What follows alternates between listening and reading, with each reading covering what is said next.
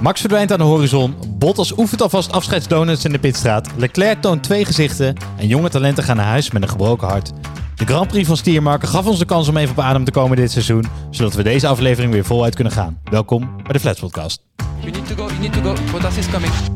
that we go from race to race, and then from race to race it went from day to day, and then from day to day it went to session to session, you know.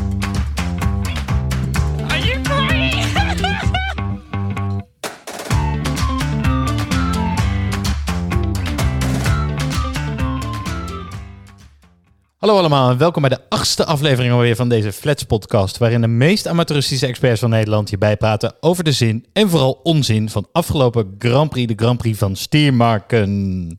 Zoals altijd doe ik dat niet alleen. Eh, tegenover mij zit Pien en Peter. Welkom jongens. Dankjewel. Dankjewel, man. Ehm, voordat we even, voordat we naar die Formule 1 gaan, voetbal. Eh, we moeten het toch even over hebben. Gisteren pijnlijk uitgeschakeld, 0-2. Kansloos, hè? Kansloos, ja. Eh, maar ik zat te denken, kunnen we even ook, eh, want we zitten hier met een aardige oranje kaarten. Kunnen we, eh, wat nemen we nou voor positieve punten mee? Het positieve wat je hieruit kan halen is in ieder geval dat we minder concurrentie hebben qua podcast. Dat is eigenlijk het enige positieve wat ik hier uit deze voetbalwedstrijd heb kunnen halen. Want het was wel echt een beetje verdrietig. Emotionele rollercoaster gisteren. Want eh, Eerst blij, dan weer boos, teleurgesteld. nog bozer.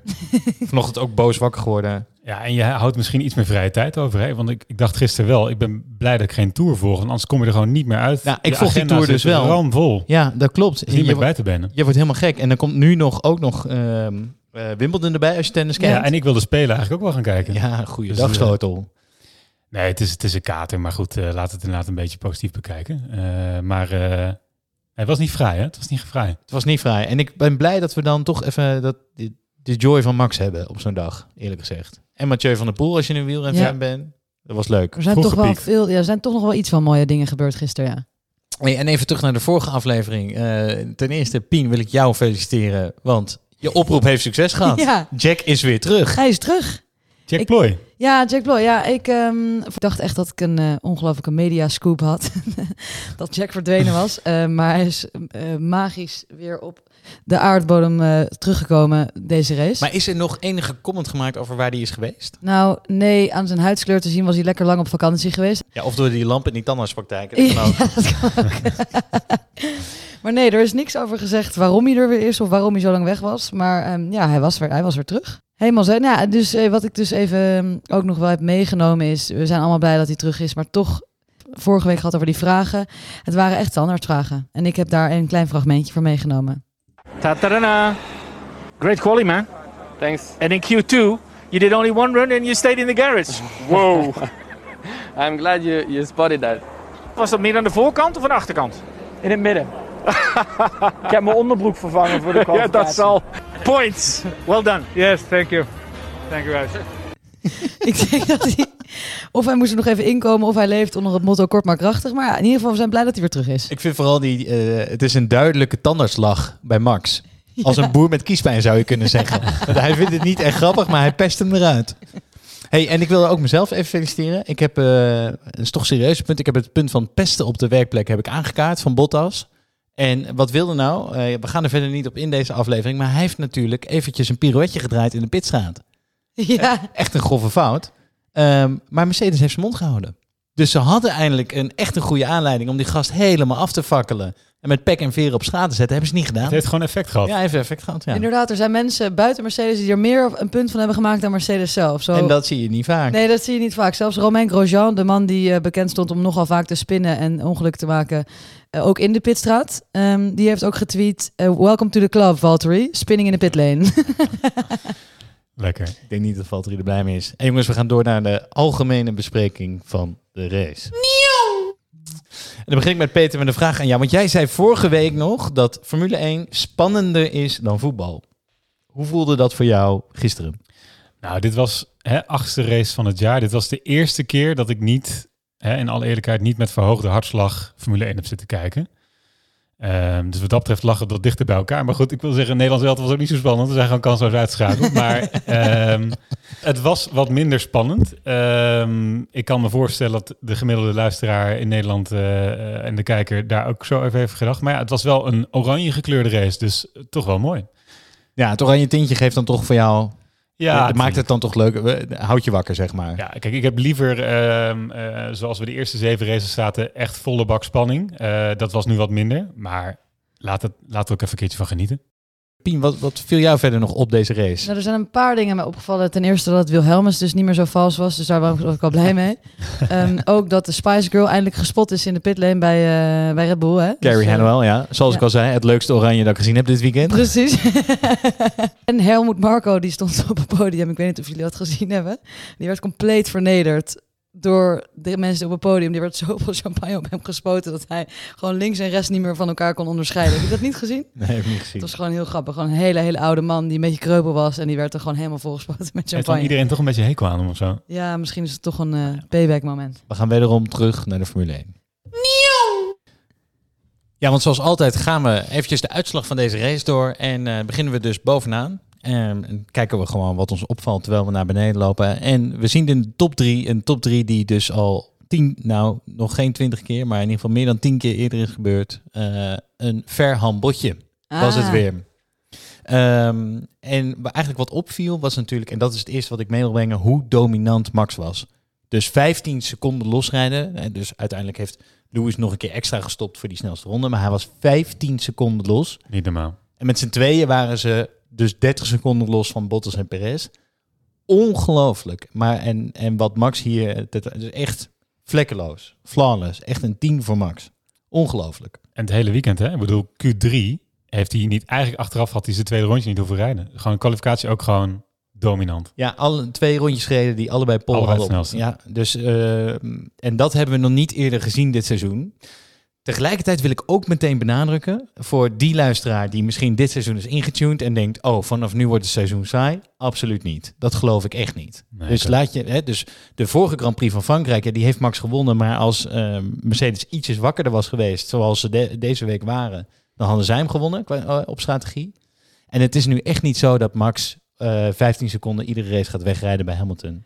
Maar het is toch wel, het is wel een andere soort overwinning, dus wat je wel zegt. Het is een andere soort overwinning dan de vorige. Dus ze hebben niet alleen gewonnen op een andere strategie, of ze hebben niet alleen gewonnen omdat er een ongeluk is gebeurd. Weet je wel, ze hebben echt op elk front hebben ze gewonnen. Ik denk dat Mercedes dus onder geen enkele mogelijkheid had kunnen winnen. Nou, dat. Nou, ze hebben, ze hebben ook wel Abu Dhabi vorig jaar eh, op zo'n manier gewonnen. En hij heeft ook wel eens een keer Mexico op deze manier gewonnen. Dus het gebeurt wel vaker. Maar ik wil vooral... Ik, ik, de volgende week zit natuurlijk weer dit circuit. Zal die ongetwijfeld weer dominant zijn. Maar de, de, de Grand Prix daarna kan Mercedes er wel eens weer heel goed voor staan. En wat me dan dus ook opvalt, is als dit dan het off-weekend van Mercedes is... en zij worden alsnog tweede en derde... hè, dus die Amerikanen zeggen... if life gives you lemons, you need to make lemonade. Nou, dat is wat Mercedes echt gedaan heeft.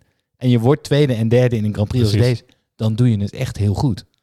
En daar, daarom ben ik er nog niet helemaal gerust op, hoor. Ik durf nu niet te zeggen dat Max hem eh, eh, gaat pakken, dat wereldkampioenschap. Ja, maar ja, ik weet niet. Het voelde anders. Maar het, ik, hoop, ja, ik hoop dat het wel spannend blijft natuurlijk.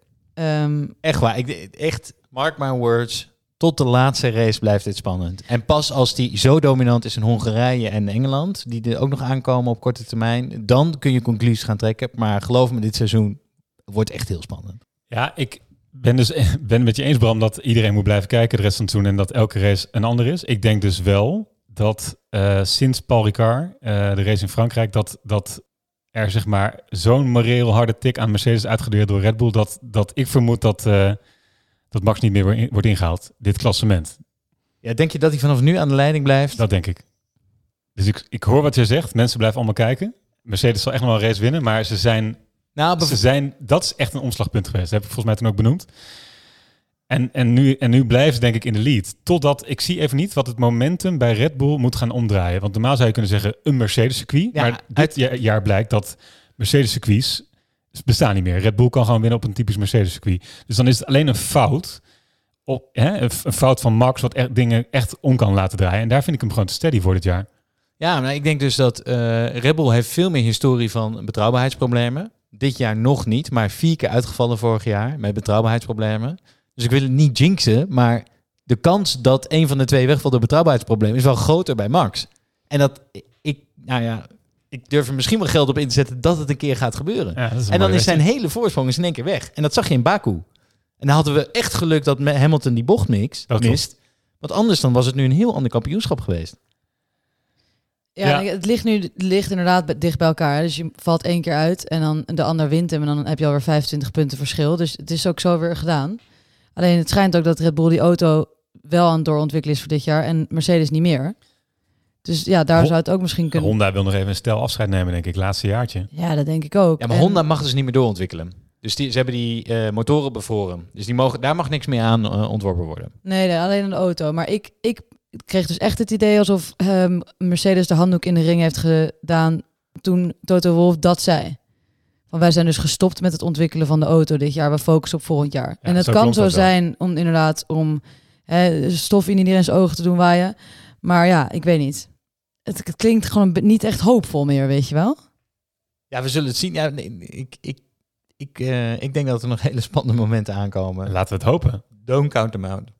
Nee, dat denk ik ook niet.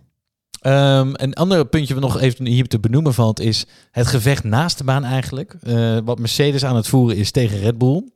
Dus zij, ja, zij zijn eigenlijk continu aanmerking. Alsof er een, een, een voetbalteam continu naar de scheids loopt en om kaarten gaat vragen. Zo is eh, Mercedes continu naar de FIA aan het gaan en puntjes aan het aankaarten van de Red Bull. Dat hebben ze succesvol gedaan over een achtervleugel die niet goed was. Dus die moest nu aangepast worden door Red Bull. Lijkt niet heel veel effect gehad te hebben, maar toch werd gehonoreerd. Ja. Ehm, ze hebben nu een succesvol protest tegen de pitstops gemaakt. En eigenlijk gezegd, zo snel als dat Red Bull hem doet, dat kan gewoon niet veilig zijn. Nou, dan trek je de veiligheidskaart. Dan gaat VIA natuurlijk ook overstag. Dus Ja. die worden ook langzamer vanaf Hongarije, wordt ingegrepen. En ze zijn nu dus aan het suggereren, wat jij een beetje zei net, eh, Peter, dat die eh, motor wel een upgrade heeft gehad van Verstappen. Dus dat ze daar illegaal een innovatie op hebben gezet.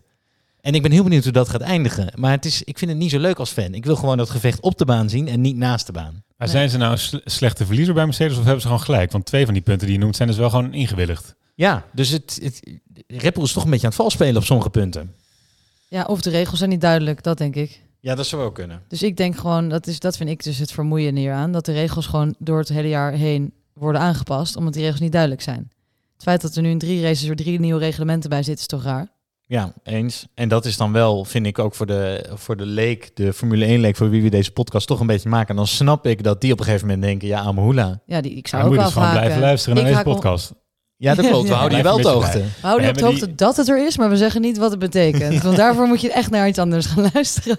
Maar die pitstop eh, ingreep, dat wordt wel een zuur inderdaad. Dus over, eh, terug naar de discussie, eh, misschien dat daar Red Bull inderdaad nog wel eh, wat pijntjes gaat leiden. Ja, want er is weer niet helemaal duidelijk wat er nou, gebeurt, wat er nou precies verandert, maar hij moet in ieder geval 0,2 langer duren. En dat Ja. is nou net het voordeel dat Red Bull altijd haalt. Het gaat erom dat Red Bull die auto te snel, dus Mercedes zegt, je kunt niet een auto zo snel vrijgeven en zeker weten dat die wielen vastzitten. En daarvan heeft de vier gezegd, ja, dat klopt Dat eigenlijk. heeft wel. Haas een aantal wel- keer bewezen. En dat heeft Mercedes ook bewezen dat bij hun het niet goed is gegaan, want die van eh, Bottas heeft er twee dagen op gezeten.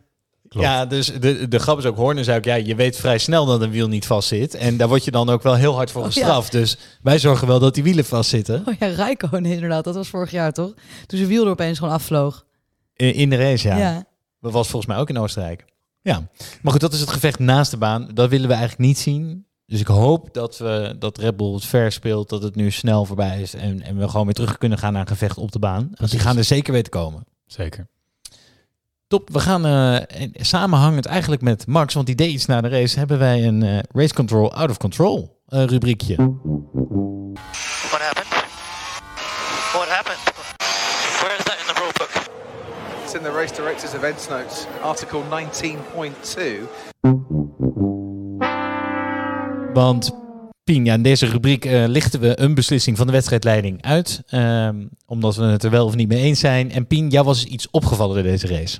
Ja, ik weet niet of mensen thuis hebben gezien, maar toen Max dus de overwinning behaalde, stopte die eventjes toen hij bij zijn pitcrew aankwam. Best arrogant eigenlijk, maar wel heel mooi. Eh, en drifte die zo door om even te laten zien wat een comfortabele voorsprong hij had. Want hij lag dus 35 seconden voor op Hamilton. We hebben het net natuurlijk even gehad over de FIA, hè, die dus best wel wat regels weer aan het aanpassen is. En die was hier ook niet echt van gediend. Dus wat bleek nou? Dat, dat heet een burn-out als je dat doet. Ehm, dat is een soort van doordriften en stoppen. En dat eh, is dus under investigation gegaan. En hij heeft dus een tien plaatsen gridstraf zelfs eh, geriskeerd. Maar is weggekomen met een waarschuwing. Want wat de FIA nou eigenlijk zei, die zei... hier zijn we echt niet van gediend, het is gevaarlijk. Volgende keer krijg je dus een gridstraf van 10 plekken. Want de regel is als volgt. Je mag de overwinning vieren, mits dit op een veilige manier gebeurt. De handeling mag er niet voor zorgen dat andere chauffeurs of officials in gevaar komen. En daarna mag het de podiumceremonie niet vertragen en geen vragen oproepen over de legaliteit van de auto.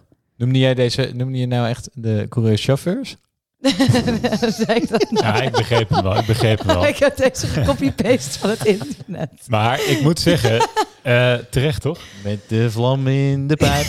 Lekker een chauffeurtje bij de boel. ja, want Heerlijk. Nee, maar dit is toch terecht? Ik nee, bedoel, maar eh, dit, is, dit vind ik dus echt niet. Want hij die, Hamilton was nog niet eens de hoek om. ja, maar Serieus? er zit ook verkeerd tussen. hè? Nee, er was niemand. Ik heb echt nog gekeken. Er was niemand in de buurt. Dit is gewoon weer zo typisch iets dat die Michael Masi die heeft het volgens mij niet. Nou, ik ben het wel met jou eens, Peter. Want eh, het, het grappige wil, of het, eh, dit, dit is eh, op dit circuit misgegaan in de Formule 2 een paar jaar geleden. Toen Latifi daar nog reed. En toen was er eentje die de kwalificatie, want dat doen ze ook een race, ging vieren. En toen klapte Latifi er dus achterop. Ja, Ja, maar dat is Latifi. maar die reed nu dus ook mee, hè? Ja, dat weet ik, maar die was ver weg. Nee, dus ik vind het wel, ik vind het veiligheids... Maar ik vind het dus wel mooi van Max. Het is eigenlijk gewoon een dikke vette middelvinger van Max, Ja, toch? Naar heel. concurrentie, Ja, ja, naar de dus het, FIA. het, het was leuk en gewoon niet meer doen. Maar hij doet het nu de tweede keer, hè? is een beetje alsof In je- Monaco deed hij het toch ook al? De Nou, een klein driftje in de, de bocht Ja. om, ja. Die vond Ja, ik wel res- vet, wel vet. Ja, dat vind ik ook. Het is een beetje alsof je je shirt uittrekt als je scoort, toch? Dat ja, daar krijg je de daar schil voor, eh, Pien. Ja. Dus Ja, dat heeft hij ook gehad, gewoon een waarschuwing. Nou, toch mooi. Maar tien uh, gidsstraffen, dat zou wel zuur zijn geweest. Maar dat is voor de volgende race was dat geweest. Daarom. ja, dus- dus was de waarschuwing kreeg je dus dan Ja. Keurige Ja, waarschuwing. En eh, nee, ik, ik, ik vind het eigenlijk goed. En ik vind het lekker van Max, lekker zo'n scherp randje eraan. Weet je. Het is niet zo'n braverik. Living dat, on is- the edge. dat vind ik lekker. Goed, Dat wisten we. we gaan verder. Ja. Want eh, we gaan snel deze top 3 uit. Weer veel te lang over gesproken. En we jumpen naar... Oh ja, we, we gaan heel even stilstaan bij Lennon Norris. Die McLaren op de vijfde plek. En eh, ja, we zien zijn teamgenoot Ricciardo. Die, die, eh, die hebben vorige aflevering nog de hemel ingeprezen. Maar die is gewoon weer dertiende geëindigd. Maar we gaan ik toch gelijk. Dat brengt ons wel op de lekenvraag van de week, dit team. Komt-ie.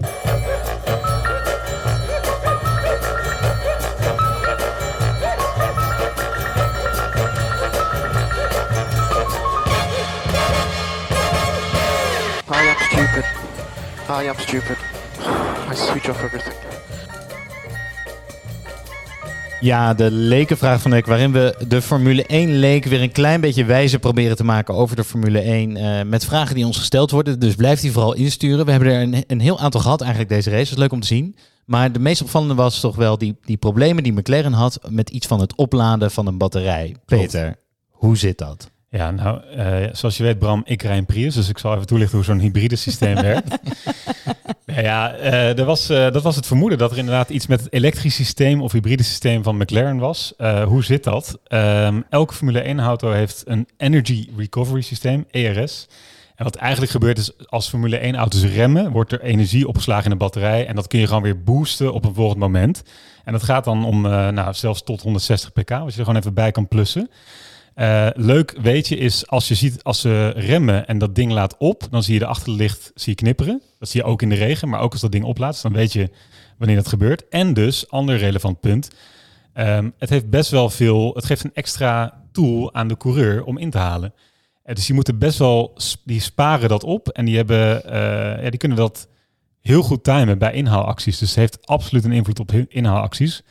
En in dit geval had het vooral eh, voor McLaren een, eh, een gevolg dat ze ingehaald werden. Want als je dat dus mist, eh, ja, dan zie je dus wat er gebeurt. Het is dus wel serieuze power die er dan even niet in zit. Ja, 160 pk, want ik weet die oude Porsches die we allemaal graag willen, die je op de weg wel ziet rijden en die dus in ons hoofd heel snel zijn, die hebben 100 pk. Dus het is zeg maar anderhalve Porsche die je dan eventjes mist. Moet je nagaan. Dat is best veel, hè? Dat is best veel. Eh, het, het- het- ik bedenk me nu trouwens, Peet, nu je dit zegt. Het is misschien wel leuk, die, dat hybride systeem, dat is aangevraagd door de fabrikanten. Dus in 2014 is de Formule 1 met hybride motoren gaan rijden, dus door de Klopt. wegfabrikanten. Eh, en dat is dus denk ik Mercedes geweest. Die maken ook straatauto's natuurlijk. Renault, Ja. misschien dat eh, Toyota, en die reed toen niet meer mee. Maar jouw Toyota Prius is natuurlijk ook een hybride. Ja. Omdat zij zeiden, wij hebben eigenlijk meer die technologie uit de Formule 1 moeten we meer kunnen gaan gebruiken in die straatauto's. Anders is het niet meer interessant voor ons. Dus zij hebben gevraagd, mogen er alsjeblieft hybride motoren komen? En daar heeft Formule 1 naar geluisterd. En dan hebben we meteen het cirkeltje rond. Want Mercedes die heeft erop gegokt, eerder al. Die zeggen, nou, dat gaat waarschijnlijk komen. En wij gaan alvast een hybride motor ontwikkelen.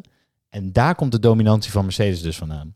En dat heeft dus zeven seizoenen gekost voordat de rest nu ook bij is. Wil je nagaan. Ja, maar dat, en dat bizar. vertelde Olaf laatst. Dus hun eerste seizoen van Mercedes waren zij zo goed dat zij die motor hebben teruggeschroefd. Omdat ze bang waren dat de FIA zou ingrijpen. Maar in principe konden zij het hele veld op een rondje rijden dat seizoen. Maar hebben jullie, kunnen jullie dat nog herinneren, die tijd? 2014. Die omslag was wel echt Toen duidelijk. ik nog in de wieg lag? Ja, ja, ja. Nee, maar zeker. weer van... Dat heeft het ook een beetje saai gemaakt daarna. Na 2014 was het gewoon Mercedes-show. Klopt. En dat was toen nog heel leuk, want toen hadden we net vier jaar op rij Red Bull gehad. Dus was de dominantie van Red Bull was doorbroken. Dankzij dat hybride systeem dus eigenlijk. Dankzij het hybride systeem, dankzij Lewis Hamilton. En eh, nou, zeven jaar later hadden we daar een beetje spijt van dat we daar blij mee waren. En nu dus, eh, eindelijk, de zeven seizoenen geduurd, zijn die andere teams een beetje eh, op gelijk niveau. Eigenlijk wordt Formule 1 dus gewoon gebruikt voor, eh, wat dat betreft, voor eh, ontwikkeling van de auto's die wij uiteindelijk gaan rijden. Dus dat is wel cool. Ja, ja Maar mooi. wat heeft een niet-fabrieksteam er dan aan? Geen reet. Niks. Ja, Nee, een, een hele dure rekening. Ja. Ja, want het zijn hele dure motoren. Laten we doorgaan. Laten we doorgaan. Ehm, we gaan door op de ranglijst inderdaad. En dan op nummer 6 zien we Carlos Sainz en nummer 7 Charles Leclerc. Dus ik, ik ga hem eventjes aan jou geven, Peter. Charles Leclerc. Ja, en ik heb daar toch wel even een mening over, jongens. Want Charles Leclerc, ehm, ja, ik zal zijn race even kort samenvatten. Hij startte vanaf de zevende positie, rijdt in de eerste ronde zijn voorvleugel en Pierre Gasly kapot. En moet vervolgens pitten, start helemaal achteraan, komt hij het veld weer in. En begint vervolgens, dat moet gezegd worden, een eindeloze inhaalactie die eindigt op P7. Gevolg, Charles Leclerc krijgt echt mega veel credits en wordt driver of the day. En eh, ja, dat levert eigenlijk het volgende eh, audiofragmentje op. Eh, luister even naar Charles' reactie en de reactie van zijn team na de race. And P7, P7, fantastic race, really nice. Freaking hell. Shit. It's one of my best performances ever, but at the same time it's so freaking disappointing. I need to receive the images. I don't know how much she moved left or, not at beginning. Kijk, en mijn punt is hier dus... Leclerc wordt hier eh, ook bewierookt door zijn eigen team. Krijgt dus ook die Driver of the Day Award. Maar krijgt dus te veel credits voor iets wat volledig zijn eigen fout is. Want hij is dus zelf degene die zijn voorvleugel in lap 1 eruit eh, afrijdt. Begint op zevende en eindigt op, zevende, eh, op de zevende plaats. En het is gewoon weer een fout die daar aan ten grondslag ligt. Dus ik, ik, ik merk dat ik me daar een beetje in toenamende mate aan ga ergeren. Ja, ik, ik dus eigenlijk... Ja, ik weet niet. Ik vind het wel mooi. En ik, ik- vind het een spektakel. Nou ja, ik zal, en ik zal nog even toppen, want ik heb toch even wat, eh, wat, eh, wat research gedaan naar Charles. Leclerc maakt dus ook best wel wat fouten. Eh, ik heb even nageslagen. Hij heeft dus ehm, sinds begin vorig seizoen, begin 2020 tot nu, dat zijn zo'n 25 races, heeft hij zeven fouten gemaakt die echt plekken verloren heeft of zelfs tot een uitvalbeurt geleid hebben. Overigens kan het ook een kwalificatiefout zijn geweest. Onthoud, hè, we herinneren ons allemaal nog die Monaco-fout van hem in de, in de kwalificatie. Maar vorig jaar heeft hij op ditzelfde circuit heeft hij, eh, zijn toenmalig teamgenoot eh, Vettel eraf gereden. En het gebeurt hem dus wat mij betreft te vaak. Hij neemt dus zoveel risico eh, dat dit dus tot zoveel, tot dit aantal fouten lijkt. En die beste man zit dus nu wel voor het vierde jaar in de Formule 1. En we hebben Max heeft ooit een, eh, een paar jaar geleden dit soort kritiek gehad, hè, dat hij te veel risico nam. En nu is het wat mij betreft tijd voor Leclerc. Die moet gewoon verder zijn. Die, moet, die zijn talentenjaren nu wel voorbij. Die moeten gewoon staan. En hij eigenlijk gaan we nu toejuichen omdat hij van P7 op P7 eh, eindigt. Sainz, die rijdt van P12 naar P6. Die moet de lof krijgen. Dat krijgt hij niet. Dit gebeurt er dus als je dus het publiek laat stemmen op een driver of the day. Mensen die zeggen, oh, inhaalacties, leuk, leuk, leuk, driver of the day. Ja, nee, het is wel vet. Die inhaalacties zijn wel vet. Ja. Ehm, Het is inderdaad wel van pand, dat heb ik me niet gerealiseerd, dat Sainz dus van 12 naar 6 is gereden, ja. En daar heeft niemand het hoor over. je niks over. Heeft niemand het over, nee. Maar hoe kunnen wij, ik bedoel, hoe kun, eh, waar ligt dat dan aan? Ligt het omdat dan Leclerc in beeld is? Nou ja, wat Pien, eh, ja, hij haalt meer mensen in. Hij maakt een volledige opmars van, eh, wat is het, eh 19 of 18 eh, op dat moment die nog in de race zaten tot 7. Dat zijn En- iets meer inhaalacties dan eh 12 naar 6. Ja, en het was dus wel schijnbaar knap dan. Dat is het enige wat je hem wel kan nageven. Er was een soort van, ze noemen het ook wel de Alonso-trein. Want waren gewoon het hele middenveld zit ongeveer binnen een seconde van elkaar af. Dus dat is best moeilijk om daar doorheen te komen. Dus dat heeft hij dan wel goed gedaan. Ja, hij heeft natuurlijk wel een waanzinnige inhaalrace. Ja, het is wel spektakel wat hij brengt. Ja, dat het is vindt wel het publiek dus spektakel, mooi. maar de man, de man, eh, dit is mijn punt van vandaag. Laten we ook even verge- niet vergeten dat hij gewoon aan zichzelf te danken heeft dat hij daarachter begint. En Ja, dat hij dus- even als een soort van wrecking ball even de eerste bocht doorkwam, waardoor Gasly ook gewoon zijn hele Hij race niet kon Gasly rijden. eraf. Nou, Gasly weer eh Latifi. Ja, het was één groot sneeuwbaleffect. Maar later in de race heeft hij dus ook bijna een keer over de, vleu- de voorvleugel van Kim, Kimmy heen gereden. Had hij weer bijna gewoon een flat tire. En er zijn zoveel beelden die in mijn netvlies niet naar boven komen van Leclerc die zijn auto kapot heeft gereden. Die heeft echt ook wel vaak in Vettel gereden. eh, of, of andersom. Maar die, die veroorzaakt gewoon best wel veel problemen. En eh, daar moet hij nu een beetje, wat mij betreft, wat meer verantwoordelijkheid voor gaan nemen. Als je de, als je de eerste man van Ferrari bent, maak dan gewoon wat minder fouten. Ik ben, het, ja, ik ben het dus ook geneigd, maar je hebt het dus helemaal gelijk. Maar ik ben toch geneigd om het voor me op te nemen. Ik vind het toch een, hij, ik vind het een toevoeging aan de Formule 1. Wel. ja. Hij als fenomeen. Ik, en hij kan dus wel waanzinnig rijden. En als hij die foutjes eruit haalt, is het misschien wel wereldkampioenmateriaal. Ja. Dat denk En ik het ook. is wat je zegt, Max heeft ook zo'n fase gehad. Misschien duurt hij bij hem wat langer. Hey, wij gaan verder. We gaan verder met eh, een buiten de baantje van Pien.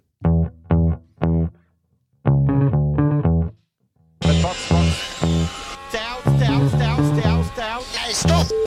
Now. Say, copy, copy. De rubriek buiten de baan, waarin Pien elke week iets meeneemt wat zich buiten de baan heeft afgespeeld. Dus Pien, wat heb je deze week voor ons meegenomen? Ik vond, ik vond het dus moeilijk om te kiezen, maar ehm, ik wil je graag met eentje beginnen. Want ik hoorde namelijk van de zoon van een Engelse commentator dat Netflix een nieuw seizoen van Drive to Survive gaat beginnen. Dat alleen over Mazepin gaat. Hij krijgt zijn eigen spin-off. Oh, lekker. Vind ik wel mooi. Ik vind vind. hem wel goed. Ik zie die ogen al twee minuten geleden gaan glunderen. Ja, dat ze weten dat die rubriek eraan komt. Nee, oké, dat was Hij is lekker. Ehm, in ieder geval, ik vond de reacties ook bekoeld. Dus ik ga maar snel door naar mijn echte buiten de baan.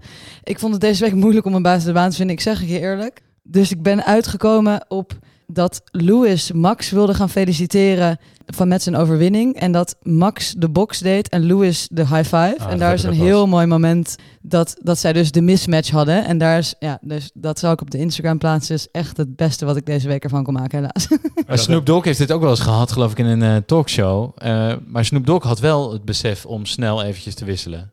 Dus Snoop Dogg heeft een beter reactievermogen dan een Formule 1-coureur. Maar Snoop Dogg, ik heb dit elke dag. In die coronatijd. Ik zit altijd te kloten met dat box of... eh, Box, ja, elleboog. Ja, Ja, ik zeker. vind het ongemakkelijk, maar het zal aan mij liggen. We, gaan verder. Eh, en Pien, we blijven even bij jou, want eh, we gaan even de uitslag weer erbij pakken. Ja, we slaan dus wat iconen over. Vettel, Ricciardo, ja, dus niet de verwachtingen waargemaakt. Schumacher, Latifi, Mazepin is gefinished, ook gespind. Gaan we ook niet bij stilstaan. Want wie zien we op 19 en 20? George Russell en Pierre Gasly, de enige twee did not finish van deze race. Pien.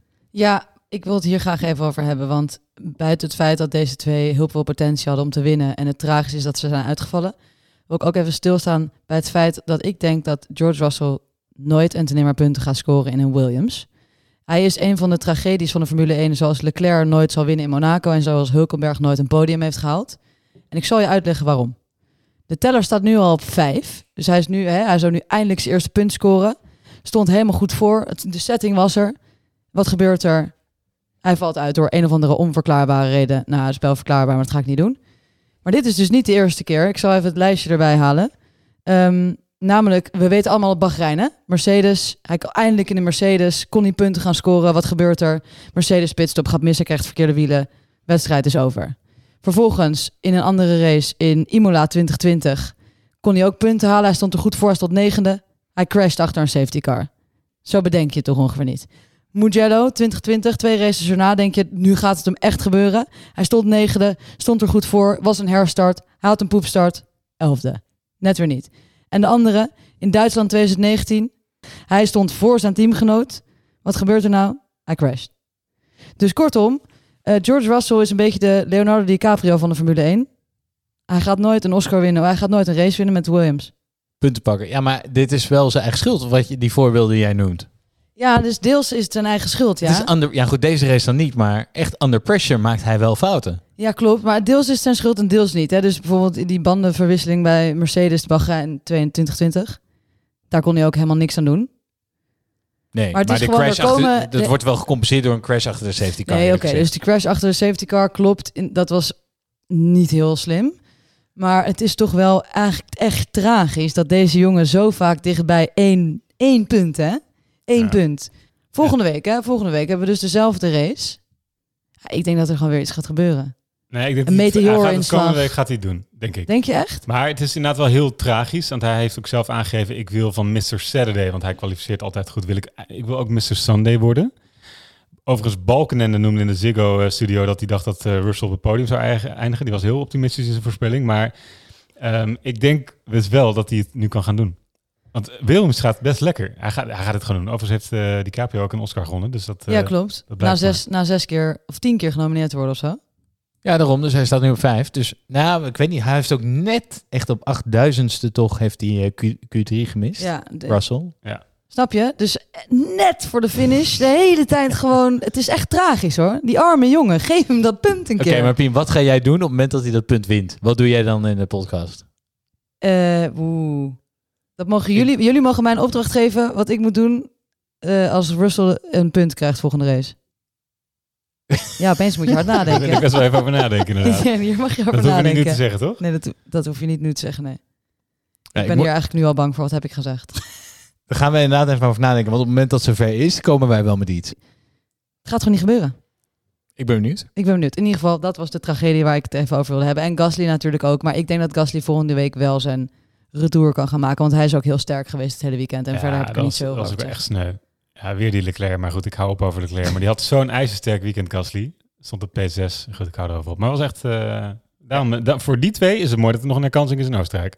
Ja, en dan is... eh, kijk, de toekomst voor Russell is wel rooskleurig natuurlijk. Want die gaat naar Mercedes. Hebben we vorige keer behandeld. Dat gaat gebeuren. Weet je, daar durf ik dan weer geld op te zetten. Als dat niet gebeurt, doe ik ook eh, hetzelfde wat Pien moet doen. Als Nee, dus dat denk ik wel. Maar in een Williams, dus het zou natuurlijk wel mooi zijn als hij nog één punt zou scoren in de Williams voordat hij naar Mercedes gaat. Ja, dat klopt. Ben ik met je eens. Maar voor Gasly, ik ben dus benieuwd wat... Voor Gasly is er niet echt zo'n zo'n pad. Want eh, Red Bull willen ze hem niet. Hij heeft de mensen Mhm. daar zo boos gemaakt. Nou, voor Gasly moet er wel iets komen. Die is zo lekker bezig. Ik vind dat ze bij dan? Alpine de verkeerde Fransman hebben gecontracteerd. Dat, eh, Je gaat toch niet van, ik, ga, ik zit liever bij Alfa Tauri dan bij, dan bij, bij Alpine, zeg. Nee, maar... Nou goed, dat Zit was jij in liever ieder bij geval... Alpine? Ik niet, maar als je Fransman bent, dat, dat zegt dan toch wel veel blijkbaar. En eh, nou goed, dat, had- eh, dat was een optie geweest. Maar ik denk dat hij zich ook wel terug kan knokken naar Red Bull. Hoor. Ik denk het niet, want hij heeft de mensen zo godschuwelijk boos gemaakt. En ik weet niet waarom. Ik weet niet wat hij Maar hij heeft snoest gedaan. ze nu elke week de mond. Ik bedoel, laat Perez nog een jaartje zitten en daarna ga je het toch gewoon weer eh, verjongen. Ja, maar ik denk het niet. Die Marco heeft ook wel laten weten van... eh, er zijn dingen gebeurd en, en Gasly is geen optie voor ons. Hmm. Nou, heel mooi. hey, we gaan, ehm, we gaan, we gaan verder naar ja, de, de enige inhoudelijke rubriek die we hebben. En ik ben heel blij dat we dit een vaste rubriek mogen gaan noemen. En dat is de column van dichter Luc. Want hij heeft weer de race zitten kijken. Zijn creativiteit losgelaten en neemt ons weer mee in een waanzinnige vervoering, moet ik zeggen. Nou, misschien moeten we niks meer zeggen en gewoon even gaan luisteren naar dichter Luc. Als je het leest, is het een teken voor slaap. Als je dit weekend interpreteert, is het ook een teken voor slaap.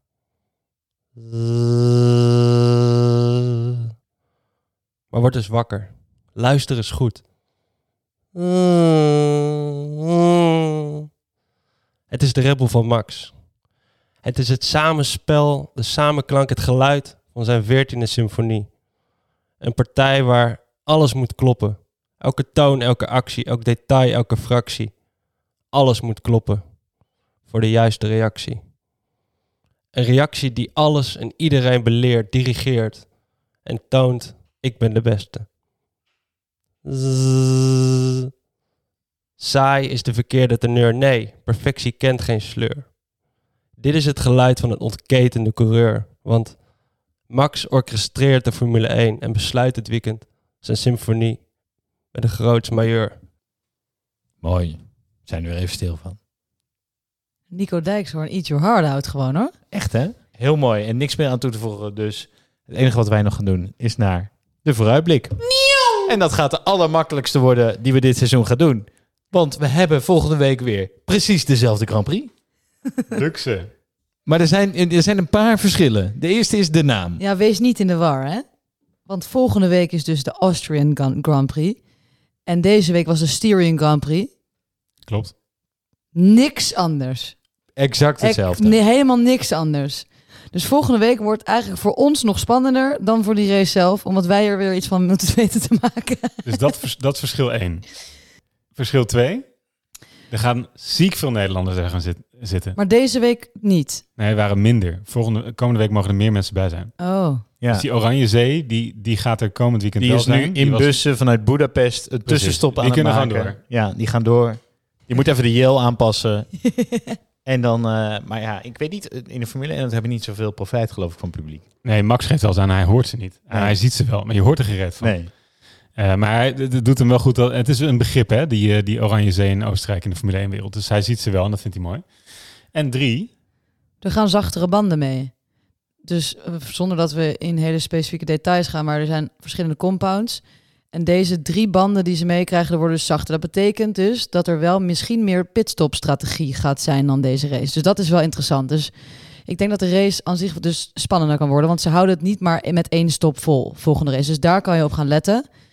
Tactisch worden er wel dingen aangepast. Dus ik denk, ja, kan spannend worden.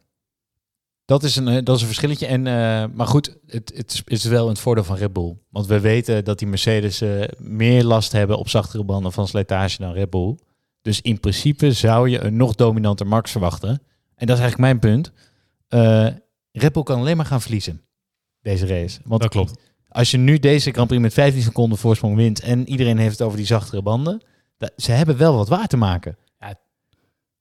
Ja, en, en toch kan het ook beter. Hè, Je kan ook een E2 pakken komend weekend. Want je, bent nu, je hebt dus nu wel aardig punten staan verdelen. Maar het is, ik ben het met je eens. Ze zijn het te kloppen team.